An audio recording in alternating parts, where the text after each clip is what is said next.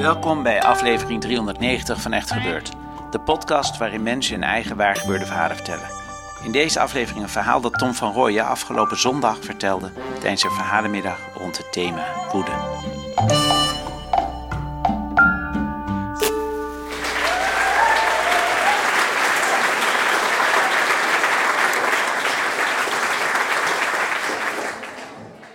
Ik ben een uh, totale politieke nerd. In mijn uh, boekenkast staan uh, biografieën over mensen als Hans Wiegel, Frits Bolkestein en andere knarren die het Binnenhof bestierden lang voordat ik geboren was.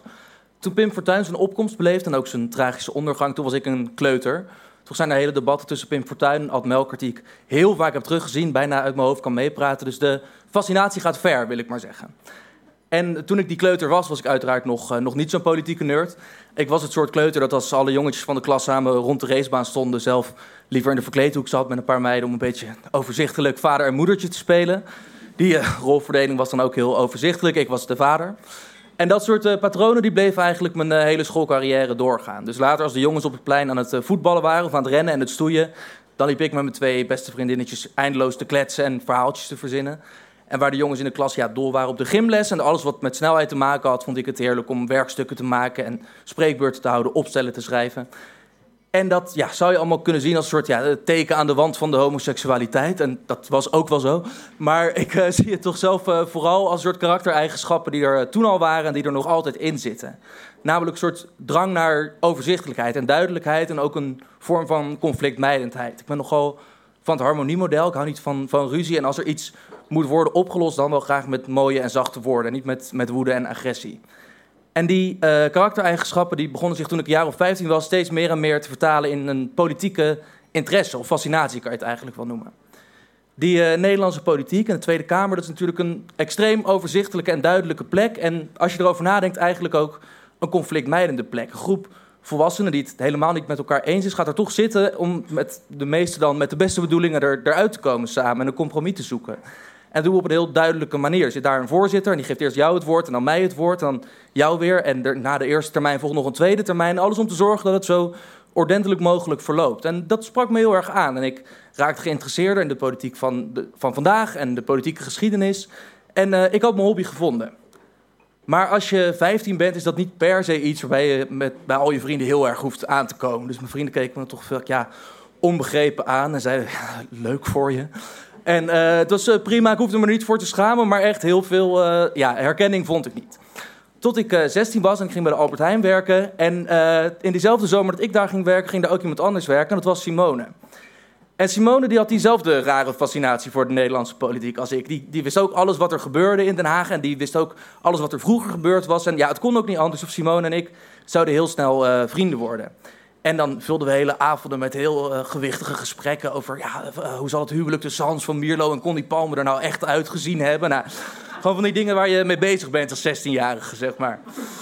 En uh, Simone en ik werden vrienden en werden beter bevriend. En we bleven ook heel lang bij de Albert Heijn werken, allebei. En een paar jaar later, ik was inmiddels 19, gingen we op een zaterdagavond, toen al onze vrienden en andere leeftijdsgenoten gewoon netjes ergens in een club stonden te dansen en te tongen, naar een voorstelling over het leven van Nelly Kroes. ja. Nelly Kroes, voormalig toppolitica van de VVD, hè, hoogtijdagen in de jaren 70 en 80. Later nog belangrijke functie in Europa gehad. En over haar leven was nu een theatervoorstelling gemaakt. En ik ben opgegroeid in Voorburg, een gemeente direct tegen Den Haag aan. Maar Simone en ik bezochten die voorstelling in Almere. Dus we wilden hem echt heel graag zien, wil ik maar zeggen. Uh, we gingen daar naartoe en het was een, schitterende voorstelling. Ik kan niet, niet anders zeggen. Goede cast gaaf om te zien hoe dat privéleven en het politieke leven met elkaar verknoopt waren. En een vrouw in die tijd die zo carrière ging maken, was natuurlijk ook niet ja, altijd aan de orde van de dag. Het is echt een waanzinnig mooie voorstelling. Als die hernomen zou worden, ik zou zo weer gaan.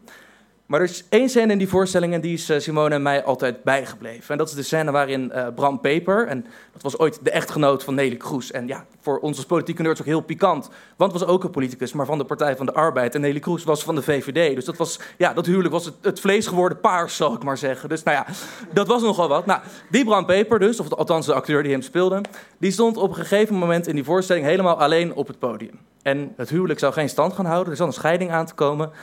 En Bram Peper die stond op een gegeven ogenblik keihard te schreeuwen in een ventilator. En die riep alleen maar: Neeltje, Neeltje, Neeltje. En echt veel harder dan ik het uh, nu hier zal, uh, zal nadoen.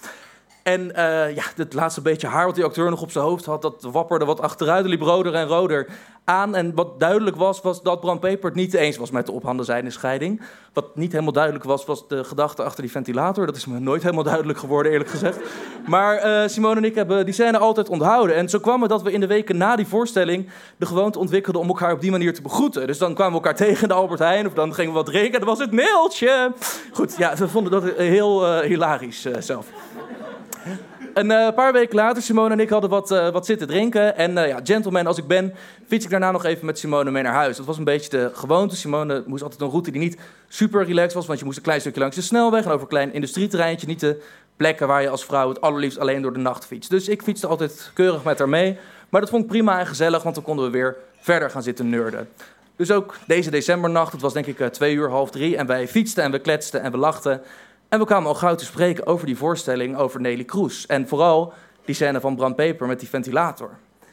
En eenmaal aangekomen bij dat kleine industrieterreintje dat ik net noemde, dachten we misschien is het wel geinig om die scène nog even na te spelen. Want ja, dat zou, in een woonwijk zou het niet in me opkomen, want daar liggen mensen te slapen. Maar op zo'n industrieterrein, daar, daar is s'nachts niemand. Dus wij dachten, nou ja, als je ooit op vol volume deze scène nog eens wil spelen, dit is het moment. Dus wij lachen en fietsen en harder en harder. Neeltje, neeltje, neeltje. En we hadden de, de grootste lol. Tot we op een gegeven moment een stukje verderop op de fietsbrug over de snelweg een jongen zien fietsen. Een jongen van onze leeftijd ongeveer, ietsje jonger. En we zeggen tegen elkaar, oh, laten we daar maar mee ophouden, want dat komt misschien nogal intimiderend over. Tenminste, ik kan me voorstellen als ik daar in mijn eentje zou fietsen s'nachts en ik zie vanaf een industrieterrein twee mensen mijn kant uit fietsen die steeds harder beginnen te schreeuwen, ik zou me daar niet heel relaxed onder voelen. Dus wij stoppen daar weer netjes mee en beginnen ja, verder te praten over uh, ja, wie was nou de beste minister in Balkan en de Twee of zoiets. En uh, we fietsen, uh, fietsen vrolijk door.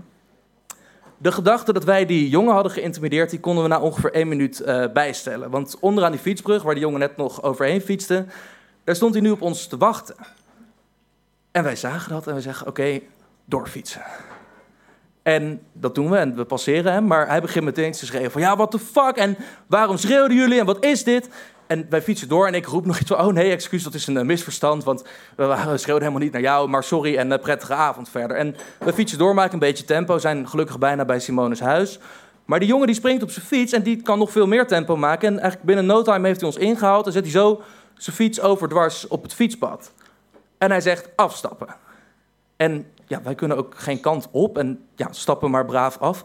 En hij begint meer te schreeuwen van what the fuck en wat denk je wel en wat riep je, wat is dit? En ik begin uit te leggen van nee, nou luister, het was naar een voorstelling over Nelly Kroes en Bram Peper met die, met die ventilator. En dan bam!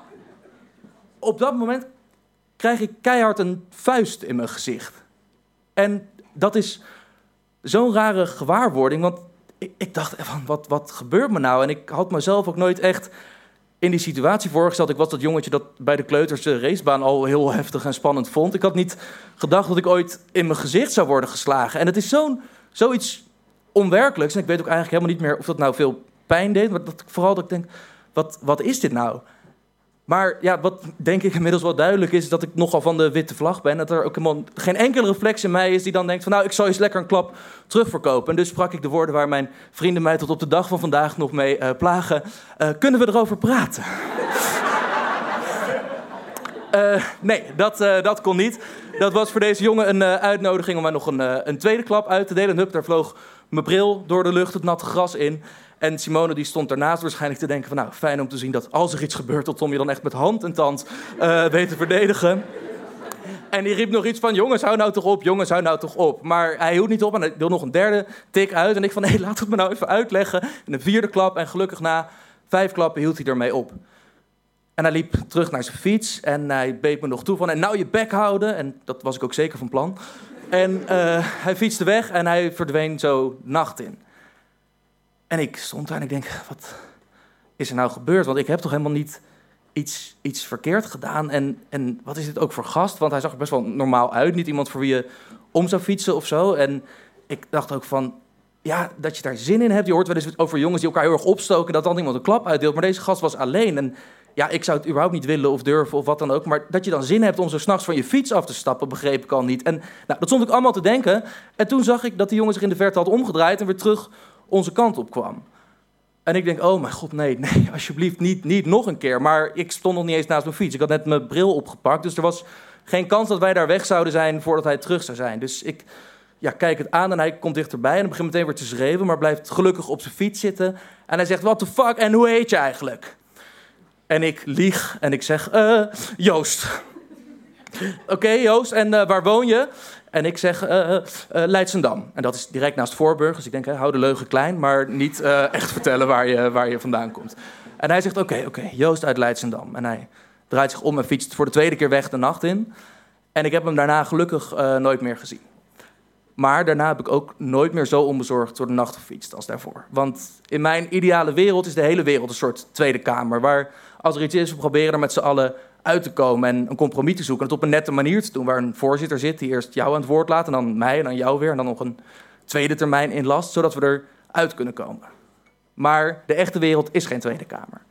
En die nacht leerde ik dat als twee zulke verschillende werelden met elkaar botsen. en er is niemand die dat in goede banen kan leiden dat uiteindelijk het recht van de sterkste geldt.